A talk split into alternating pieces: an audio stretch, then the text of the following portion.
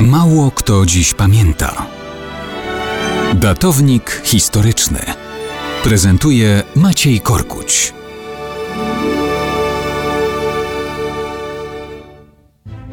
Mało kto dziś pamięta, że w listopadzie 1753 roku w Moskwie spłonął drewniany pałac przeznaczony dla carskiej rodziny.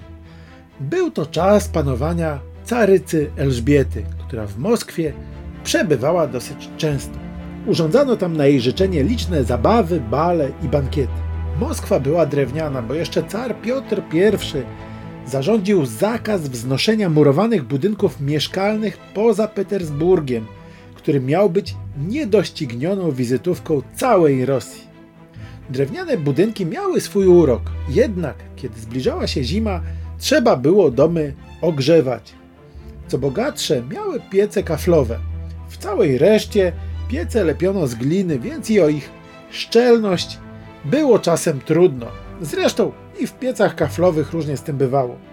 Jeden nieostrożny ruch czy brak czujności, a budynek stawał w płomieniach, nierzadko roznosząc pożogę na inne, także drewniane domy. Tak było też w roku 1753. Pożar carskich pomieszczeń był tylko początkiem całej serii katastrof budynków trawionych płomieniami. Ale dla carycy Elżbiety ten pierwszy pożar był największym zmartwieniem. Pałac pokoje, no szkoda. Najgorzej, że spłonęły tam jej suknie i to ponad 4000 sztuk. Wszak ich zmiany były nieodłącznym atrybutem ówczesnych balów i przyjęć.